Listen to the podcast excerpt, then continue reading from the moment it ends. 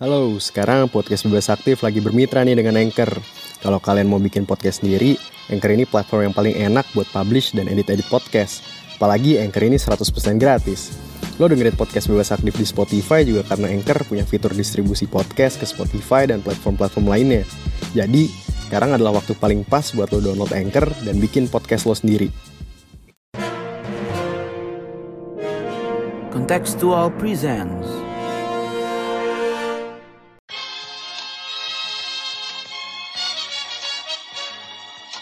伟大、光荣、正确的中国共产党万岁！ Ladies and gentlemen, it was time to end a 20 year war. No one is safe until everyone is.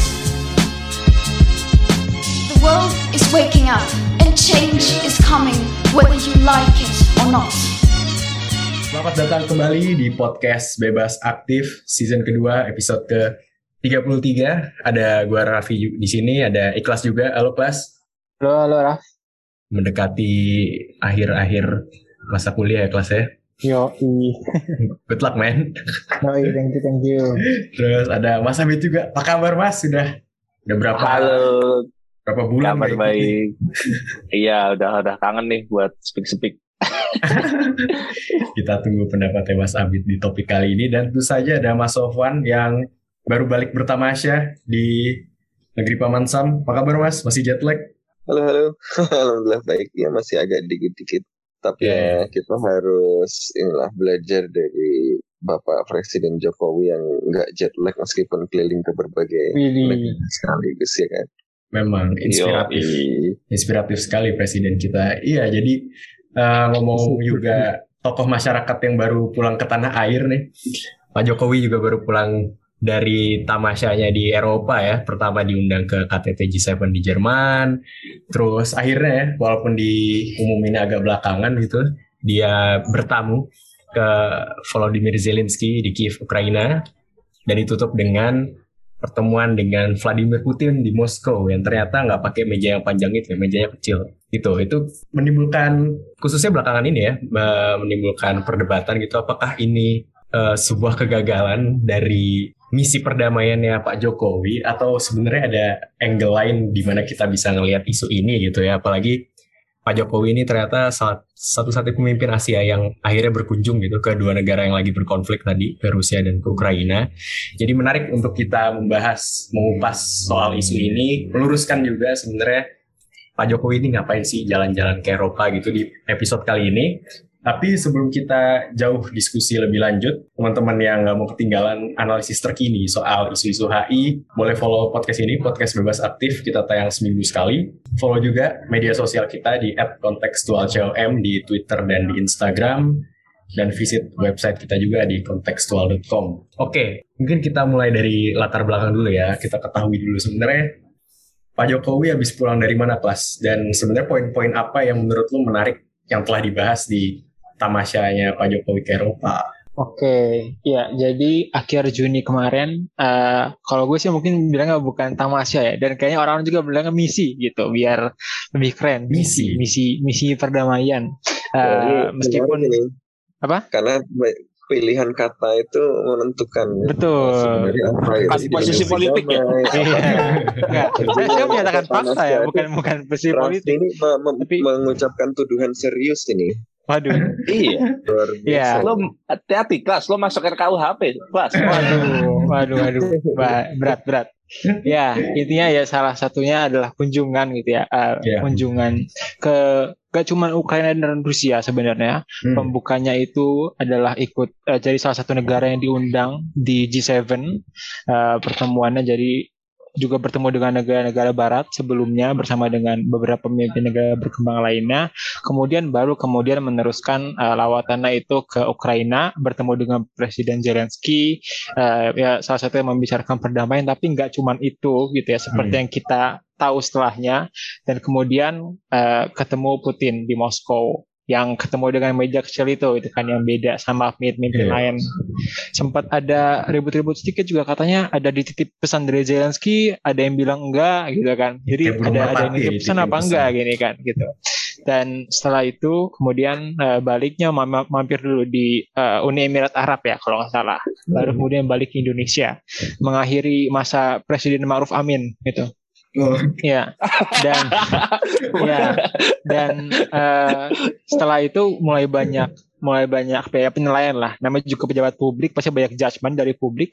Sebenarnya kalau dilihat dari narasi yang banyak beredar gitu ya dari eh, misi kunjungan Jokowi itu sebagai misi perdamaian gitu kan. Karena memang salah satu bahasan utamanya adalah membicarakan eh, perdamaian dengan Rusia dan Ukraina banyak pihak yang kemudian beberapa pihak kemudian bilang oh ini sebenarnya kunjungan Jokowi itu gagal gitu kan karena tetap aja tembak menembak dan perang masih berlangsung gitu kan Hmm. tapi di sisi lain juga ada yang bilang oh enggak sebenarnya eh, ada juga hasil-hasil lain gitu loh nah ini kira-kira bakal yang kita coba telisik lagi hari ini Hmm, hmm, hmm. Nah, Mas Abid, kalau tadi pemilihan diksi kayak penting ya. Dan kayaknya presiden, gue gak tahu ya ini eh, framing media atau sengaja di framing sebagai misi perdamaian apa enggak. Tapi menurut lu Mas, apakah kunjungannya Pak Jokowi ke Ukraina ke Rusia ini bisa atau proporsional kalau disebut sebagai misi perdamaian? Karena implikasinya akhirnya ke mana-mana kan kayak respon eh, publik terhadap dia yang akhirnya justru merugikan. Menurut gue frasa misi perdamaian itu kan lahir dari captionnya Pak Jokowi di Instagram ya. Ah, ah, ah, iya, yang kemudian dipakai juga oleh media dan dan kemudian juga eh, salah satu bingkai untuk melihat Ini apa namanya dia- kunjungan dia Pak Jokowi kali ini. Stalker ya, stalker Instagram. Ya, stalker. Iya, gue gue master stalker gue. Pak Jokowi cuma nggak punya link aja, jadi nggak bisa gue stalk. Oke. Anyway, eh, jadi penggunaan eh, frasa misi perdamaian ini menurut gue penting untuk me- melihat eh, dan bagaimana memaknai apa yang dilakukan oleh Pak Jokowi kemarin ini. Kalau gue bilang ya ini memang niatnya misi perdamaian gitu. Lo ngapain lagi ke ke Ukraina gitu ribet-ribet bawa pas pampres banyak banget dan juga segala apa namanya segala delegasinya pasti apalagi kalau bukan ini misi perdamaian. Kalau memang ada aspek uh, global supply chain problem yang dibahas oleh Pak Jokowi, menurut gue itu bagian penting dari dari dari paket konsep misi perdamaian itu gitu. Karena kita sekarang bisa melihat bahwa urusan Ukraina Rusia ini bukan hanya urusan negara-negara besar aja atau Hmm. negara-negara Eropa aja, tetapi dampaknya udah kita rasakan hari-hari ini, terutama uh, nyokap gue ya, gue sering telepon sama nyokap gue cerita soal harga-harga naik Iya, itu dan, dan kemudian banyak analisis uh, ekonomi politiknya kan menjelaskan kalau salah satu sebabnya adalah uh, perang Ukraina Rusia dan ini menunjukkan bahwa ya memang Indonesia nggak bisa diam aja ngelihat apa yang terjadi di sana karena ngefek ke kita. Lebih dari itu juga ada amanat konstitusi yang harus kita uh, maknai bareng-bareng bahwa kita memang harus uh, apa namanya ikut serta dalam uh, perdamaian dunia dan juga kita juga punya doktrin kebijakan luar negeri bebas aktif yang kita pakai juga di podcast ini. Uh, yang artinya kan artinya kan sebenarnya kan aktif untuk menjalankan amanat konstitusi itu uh, perdamaian dunia itu gitu. Bahwa uh, kontribusinya seperti apa impactnya seperti apa itu nanti dulu tapi yang pen- yang paling penting adalah ada usaha aktif dari uh, dari Republik untuk terlibat dalam uh, perdamaian dunia ini gitu. Nah persoalannya sekarang kan ditagih tuh sama publik Indonesia gitu kan. Kalau kalau itu mesti perdamaian gimana kok masih ada uh, kirim-kiriman misil antara kedua negara gitu? Ya menurut gua kita harus melihatnya proporsional. Nggak bisa kita lihat misi perdamaian itu langsung harus damai gitu. Hmm. nggak semudah itu gitu. Mengingat uh, kompleksitas konflik antara Rusia sama Ukraina atau perang Rusia Ukraina ini cukup cukup ribet gitu bahkan yang Hmm. sekelas Joe Biden sekelas Macron dan dan negara-negara lain uh, yang punya apa ya yang punya uh, kapabilitas yang lebih besar dari Benar, kita pun kesusahan Coba. gitu. kenapa Bang? Joe Biden sama Macron itu sekelas sih. Padahal angkatannya Ya. beda beda angkatan ya. Beda angkatan ya. Nggak maksudnya negara besar gitu. Negara besar. Mas Aman bentar-bentar dari Amerika deh pas ketemu Joe Biden. Udah akrab. nanti nanti nanti kita bahas perlu satu episode pulangnya Mas Aman dari Amerika ngobrol sama Joe Biden kayak apa. Itu episode. Oke tapi kembali lagi ke ke ke argumentasi gua gitu. Eh, agak sulit kalau kita langsung menagih harus damai menurut gua peluang perdamaian di mana pun itu eh, konflik itu berada gitu sekecil apa pun peluang perdamaian itu harus diupayakan. Dan kita nggak pernah tahu usaha mana yang bisa masuk ke sana gitu. Dan harapannya ini membuka diskursus baru gitu. Gue mau apresiasi karena Presiden Jokowi adalah eh, pemimpin Asia pertama nih yang berkunjung ke kedua negara dan ya ada ada usaha aktif. Dan ada satu kalimat yang gue seneng nih eh, sama Pak Jokowi. Beliau bilang bahwa Indonesia tidak punya kepentingan apa pun selain ingin berkontribusi pada perdamaian dunia dan memastikan uh, rantai pasok pangan dunia aman. Nah, Hmm. ini menurut gua salah satu khas dari kebijakan luar negeri Indonesia ya. Kita itu ke luar negeri itu nggak pernah punya niatan buruk. Kita selalu diterima dengan baik dengan semua pihak, walaupun memang eh, apa namanya eh, kita memang belum dianggap sepenting itu gitu di level internasional ya lumayan penting lah, tapi belum sepenting negara-negara besar lainnya. Tapi minimal kita tuh selalu dilihat sebagai sebuah se- sebagai se- eh, sebagai seorang aktor yang tulus gitu dalam menjalankan kebijakan luar negerinya. Kita mah kalau dengan kebijakan luar negeri kita tuh nggak rese kita tuh ribetnya tuh Indonesia tuh kalau ke dalam negeri sendiri itu sama rakyatnya Iya, sendiri iya. ya itu kadang-kadang rese. Iya, iya, iya, iya, Tapi iya, kalau iya. keluar negeri kita diterima dengan baik itu berbeda. Jadi gua mau ngasih kredit dulu bahwa kita outcome-nya kayak apa. Nah, ini bagian kritisnya ini masuk-masuk lah ini. Silakan Mas Sobat dikatain.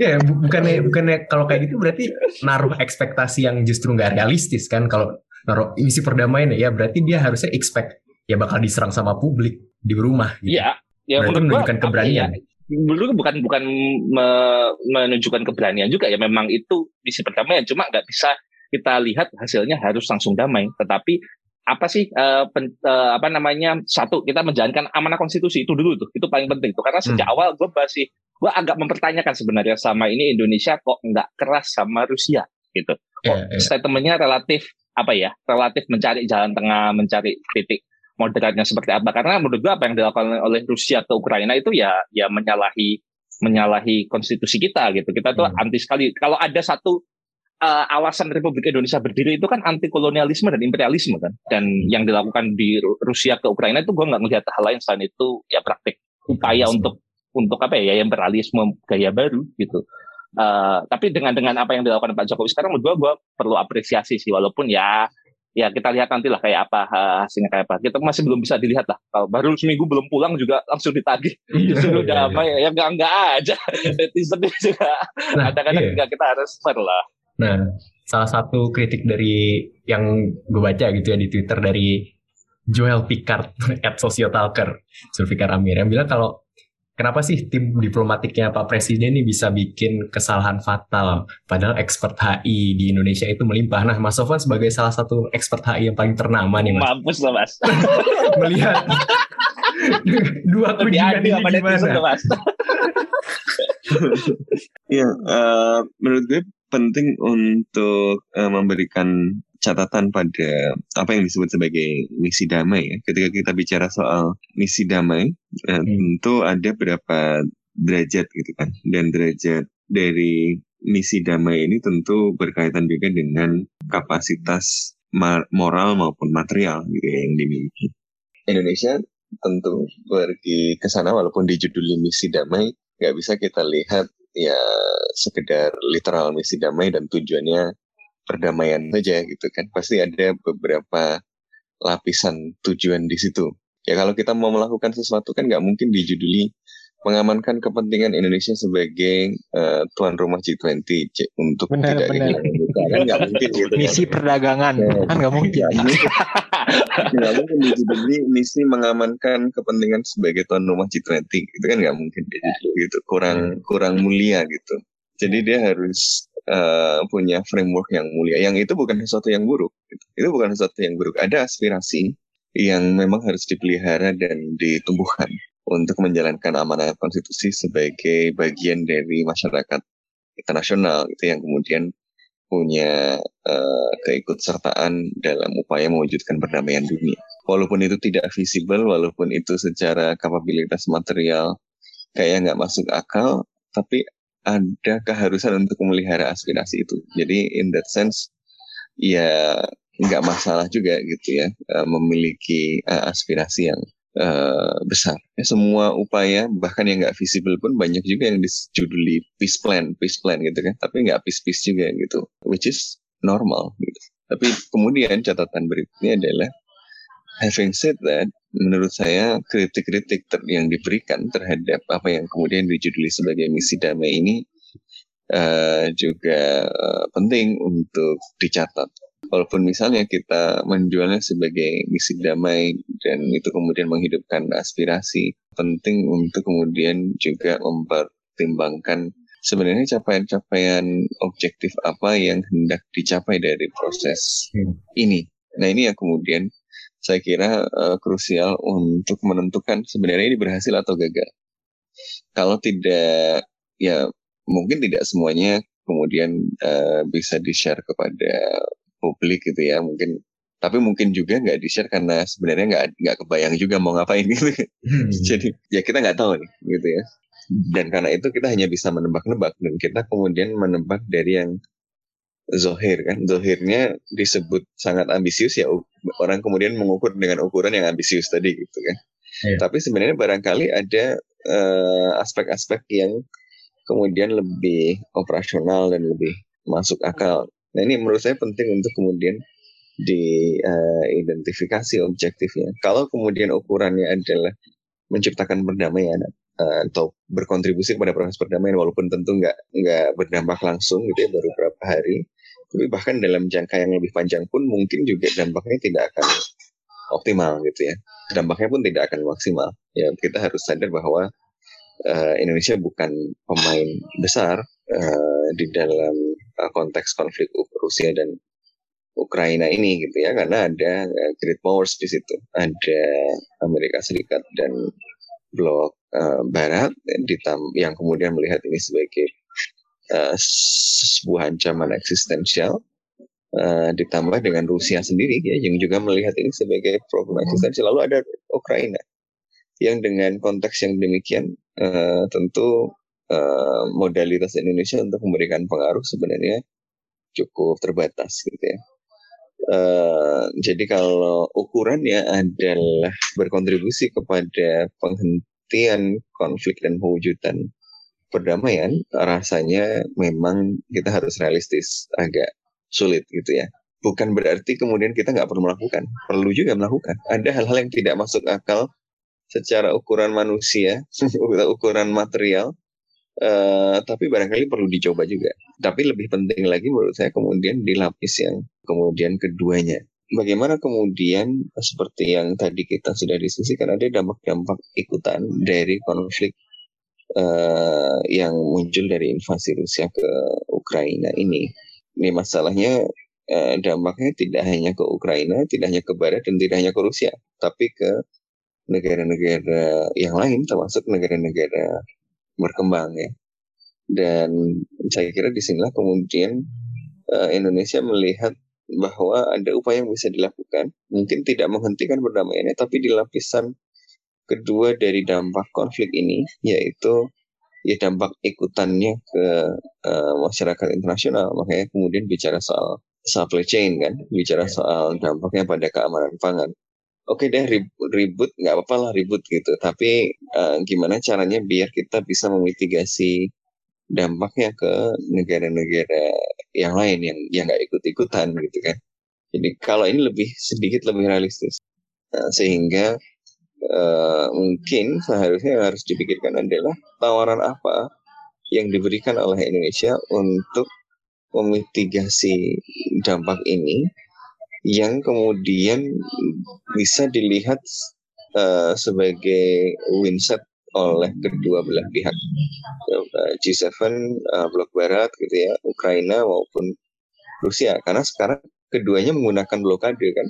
Hmm. menggunakan sumbatan terhadap supply chain sebagai instrumen dan bahkan menjadikan hunger ya kelaparan itu sebagai alat tawar.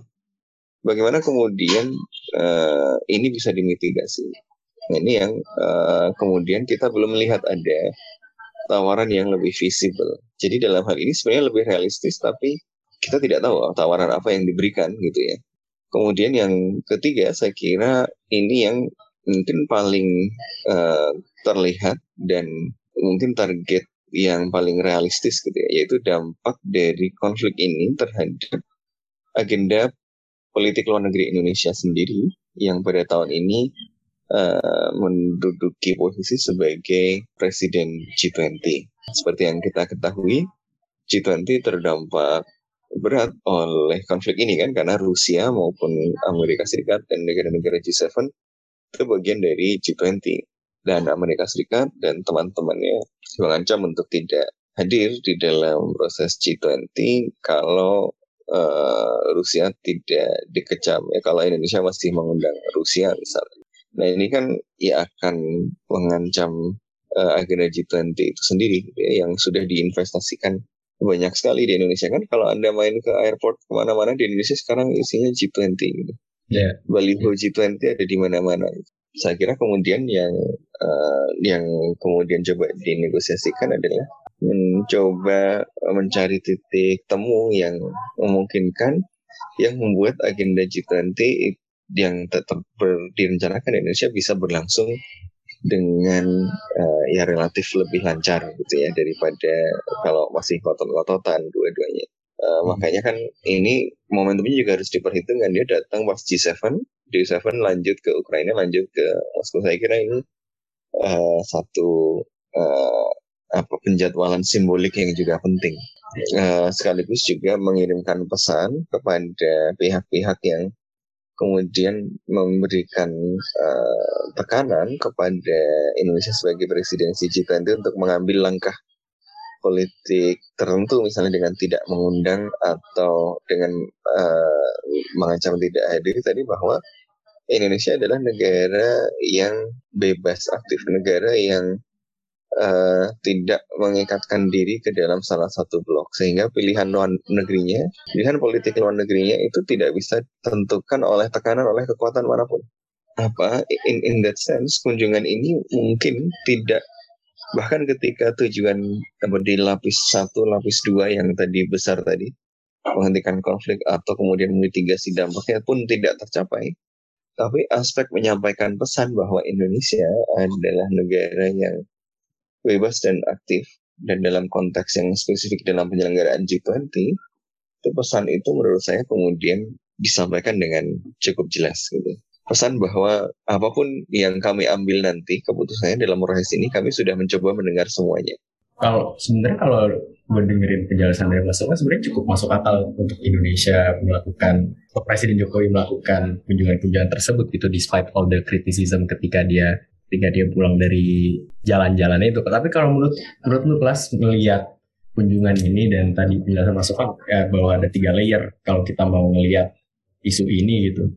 Are the critics has been has been fair gitu, have been fair. Kritik bahwa ah, karena masih ada misil, jadi semua ini gagal. Uh, kalau menurut gue kritik-kritik yang masuk juga uh, cukup apa namanya bisa dibilang ada yang ada yang fair ada yang enggak sih gitu kan. Kalau beberapa yang menyorot terkait misi perdamaiannya yang enggak langsung membuahkan hasil lah itu mungkin perlu kita refleksikan kembali gitu kan. Ke uh, ya bahwa usaha perdamaian itu nggak instan gitu. Tapi kalau gue sendiri mungkin melihat ke kritik gimana kalau dibandingkan dengan negara-negara lain misalnya ya meskipun tadi Mas Sofwan juga bilang kalau ada beberapa layer gitu ya, bahkan saya udah didalamin dari uh, kunjungan Jokowi itu ada banyak gitu kan eh, yang dibicarakan. Tapi yang agak uniknya yang bikin beda dari negara-negara lain mungkin juga gimana kunjungan Indonesia ini meskipun uh, dilihat topik utamanya perdamaian gitu, tapi di mix juga sama agenda-agenda lain gitu kan. Ada agenda yang berkaitan juga dengan uh, apa namanya kesejahteraan global seperti suplai pangan gitu kan. Tapi ada yeah. juga yang kayak uh, terkait sama kepentingan Indonesia sendiri gitu kan dan bukan G20. Misalnya kayak mengaman apa terkait kerjasama uh, pembangunan kereta dan kerjasama uh, nuklir gitu kalau nggak salah ya sama Rusia gitu. Jadi itu di mix nuklir apa katanya? Ditawarin nuklir katanya? Uh, enggak sih, enggak enggak, enggak yeah. buat enggak buat nuklir juga sih, tapi buat kerjasama medis atau apa gitu yang lain gitu. Oh. Terus juga ke Ukraina katanya dapat mengamankan visa bebas visa Indonesia Ukraina yeah. gitu misalnya.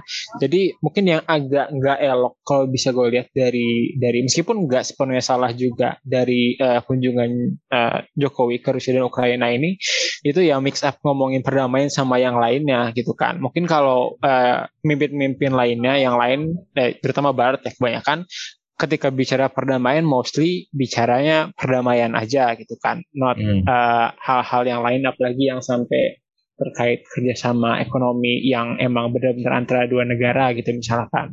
Meskipun memang ada perbedaan positioning juga. Tapi menurut gue terlepas dari kritik-kritiknya sebenarnya ya sekali lagi perlu diapresiasi gitu ya bahwa ya Presiden Jokowi sudah melakukan kunjungan tersebut, sudah melaksanakan bebas dan aktif dan menurut gue emang uh, tempatnya gitu lah ya untuk Indonesia sebenarnya melakukan itu meskipun nggak sebagai juru damai tapi sebagai salah satu pemain penting di uh, dunia, terutama dalam kaitannya dengan perdamaian ya sebenarnya sangat bisa gitu kan Indonesia untuk memainkan peran tersebut. Mungkin Jokowi juga udah agak penat gitu ya sama uh, domestika udah ngomongin 2024 mulu yang mending gue main di luar gitu. Yeah, masih yeah, aktif-aktifnya. Yeah, yeah. Kebanyakan kritiknya tuh kan wah masih perang atau berarti uh, Pak Jokowi gagal melakukan diplomasinya tadi gitu misalkan. Nah mungkin perlu apa ya? Perlu latar belakang gitu. Kenapa sebenarnya Indonesia dalam konteks konflik Rusia Ukraina itu sebenarnya susah banget hampir nggak mungkin jadi juru damai itu biar biar clear aja gitu bahwa itu susah banget dan ekspektasinya terlalu tinggi untuk kita expect Pak Jokowi menjadi setelah dia ngobrol terus kelar gitu konfliknya atau sekedar menurun tensinya. Ya uh, mungkin gimana ya? Kalau bisa gue gue gue uh, put into perspektif, sebenarnya yeah. Indonesia kan cukup sering jadi penengah ya, uh, tapi dalam konflik-konflik yang levelnya regional lah, atau uh, lebih rendah kayak dulu dulu banget Kamboja, yeah. terus uh, apalagi ya, gue juga gak lupa sih, tapi kan ada track record di sana gitu kan. Hmm. Nah, dan yang itu memang ada kedekatan secara uh, geografis atau secara politik gitu dengan Indonesia, yang sebenarnya posisi sama kayak sama-sama Indonesia nggak memiliki kepentingan gitu kan, kecuali perdamaian, istilahnya hmm. kayak gitu gitu kan. Hmm. Tapi yang bikin beda kemudian adalah uh, apa namanya ya konflik Rusia dan Ukraina ini seperti yang udah kita bicarakan di episode sebelumnya dan mungkin udah pernah uh, teman-teman dengar semua adalah ya bukan bukan konfliknya Indonesia banget gitu loh. Kurang ada hubungan langsungnya antara Indonesia dan banyak negara-negara Asia dan negara-negara dunia ketiga lainnya yang biasanya lebih mengambil posisi oh yang enggak nggak terlalu berpihak aja gitu loh this is not our war dan kemudian uh, apa namanya implikasinya juga sebenarnya lebih ke orang-orang yang concernnya di Eropa dan juga negara-negara Barat itu sendiri gitu loh. Sehingga agak jauhnya di situ dan kemudian kurang ada leverage juga gitu kan. Kalau kita ngomong Kamboja ya kan kita main besar lah di ASEAN gitu yeah, buat yeah. bisa mendamaikan. Tapi kemudian kalau Rusia dan Ukraina itu kan sangat jauh dan uh, sangat tidak terlalu tergantung atau ada pengaruh politik apa-apa kita emang kita nggak bisa di expect segitunya juga gitu. Dan gue juga nggak tahu ya apakah sudah uh, satu kritiknya yang mungkin kalau bisa dibilang uh, emang nggak perdamaian itu langsung keluar gitu kan hasilnya tapi apakah rencana perdamaian juga udah well planned gitu loh? Misalnya apa aja yang bisa di offer gitu gitu kan. Yang ada kan kita lihat justru uh, Jokowi mungkin lebih sekedar menjembatani nggak sekedar sih itu perlu diapresiasi maksudnya lebih berperan menjembatani tapi misalnya bisa offer solutions atau apa gitu kan meskipun itu sebenarnya agak di luar kapasitas Indonesia juga tapi ya itulah kira-kira kalau uh, bisa di put into perspektif Jokowi kunjungannya ke Rusia dan Ukraina. Mm -hmm. Halo, sekarang podcast Bebas Aktif lagi bermitra nih dengan Anchor. Kalau kalian mau bikin podcast sendiri, Anchor ini platform yang paling enak buat publish dan edit-edit podcast. Apalagi Anchor ini 100% gratis. Lo dengerin podcast Bebas Aktif di Spotify juga karena Anchor punya fitur distribusi podcast ke Spotify dan platform-platform lainnya. Jadi, sekarang adalah waktu paling pas buat lo download Anchor dan bikin podcast lo sendiri.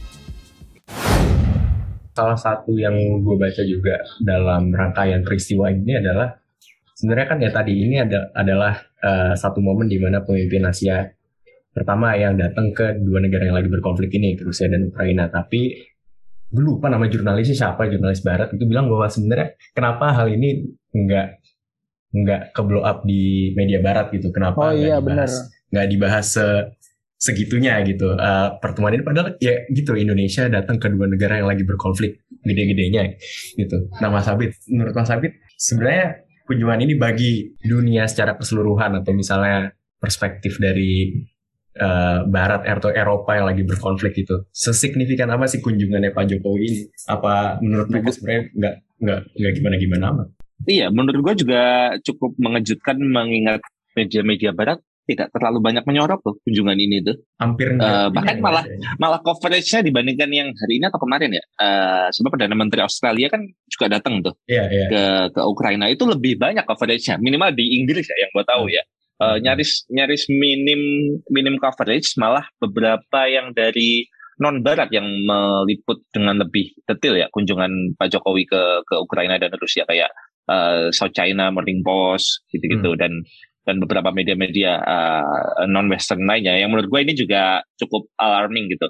uh, kenapa ini kok nggak kok, nggak sampai ke telinga mereka secara luas gitu? Dan menurut gue karena menurut gue publik barat juga perlu melihat kalau uh, negara-negara global south uh, dan khususnya Indonesia itu juga punya niat yang baik loh dalam dalam uh, perdamaian dunia. Bahwa kita juga pengen aktif juga melibatkan ini gitu. Dan dan terbukti uh, apa yang dilakukan oleh Barat terhadap apa ya coverage kebijakan luar negeri kita ini kan membuat apa ya membuat sentimen uh, membuat sentimen di Indonesia itu makin makin makin memperlihatkan kan yeah. kalau wow tuh kan barat tuh nggak nggak yeah, yeah. kui tuh sama kita tuh nggak sabi banget sama kita tuh yang menurut gue itu juga alami makanya di Indonesia kalau kita lihat di publiknya mayoritas masyarakat Indonesia rasa-rasanya ya ini kalau kita lihat dari dari pandangan uh, Twitter, Instagram dan Facebook dan dan komen-komen yeah, yeah. YouTube itu kan lebih lebih pro Rusia banget ya. Yeah, yeah.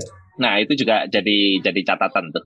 Uh, nyaris menurut gue di negara-negara global south itu nyaris semuanya itu relatif uh, positif lah sama sama Rusia. Uh, dan ini menurut gue perlu perlu jadi catatan baik untuk negara-negara Barat maupun media-media Barat. Tapi gue mau nambahin dua catatan penting terkait kunjungan ini yang mungkin belum kesebut dan menurut gue yeah. uh, kayaknya penting juga untuk kita bahas gitu. Pertama, uh, ini kan bukan pertama kali Presiden Jokowi punya misi perdamaian. Sebelumnya kan ada yang di Rohingya, dan juga yeah. ada yang di Afghanistan dan juga pada beberapa tahapan di uh, Israel Palestina gitu.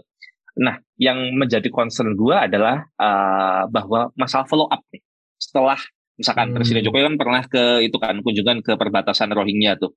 Uh, perbatasan apa namanya? Uh, perbatasan Myanmar yang dihuni oleh orang-orang Rohingya harus kita Rakhine bahkan bikin ya. rumah sakit ya di Rakhine State itu follow up-nya kayak gimana? Itu kan jadi pertanyaan karena sampai sekarang kita belum melihat follow up yang lebih serius. Ini mungkin catatannya untuk Kementerian Luar Negeri ya, bukan hmm. untuk Jokowinya ya. Karena gua rasa harusnya ketika Pak Jokowi sudah di situ ada follow up yang lebih intensif gitu. Begitu juga dengan yang Afghanistan. Afghanistan ini lebih lebih-lebih lagi nih karena waktu itu bahkan kita sudah melibatkan aktor non negara ya ini Nahdlatul Ulama. Nahdlatul Ulama waktu hmm. itu bikin beberapa kali kegiatan dengan ulama-ulama Afghanistan bahkan bikin Nahdlatul Ulama Afghanistan. Hmm. Uh, nah, se uh, sekarang menjadi concern gue itu follow up-nya kayak gimana gitu. Mengingat Taliban sekarang berkuasa dan kita pernah punya uh, komunikasi yang sangat intensif dan Pak Jokowi bahkan ke Afghanistan uh, itu juga menjadi catatan. Begitu juga yang ada di uh, di Palestina kan. Kita kan uh, bikin kedutaan uh, di Ramallah ya kalau nggak salah ya. Nah itu juga bagaimana follow up-nya. Nah follow up follow up ini yang yang uh, harusnya harusnya bisa kita uh, kita kita lihat lagi dalam kasus uh, Ukraina dan Rusia ini. Setelah ini, setelah kunjungan ini apa gitu? Apa jangan-jangan kita lupa dan fokus sama hal, lain? Gitu.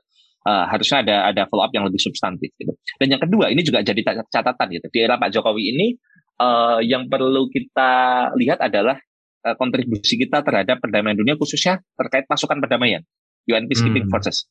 Minimal gue nggak ngelihat seintensif waktu eranya Pak SBY dulu. Pak SBY dulu kan luar biasa ya Uh, mungkin juga karena personal attachment juga ya dengan dengan apa namanya pasukan perdamaian uh, eh, PBB ini bahkan anaknya pun dikirim ke sana gitu. Nah ini juga uh, perlu menjadi perlu menjadi catatan gitu.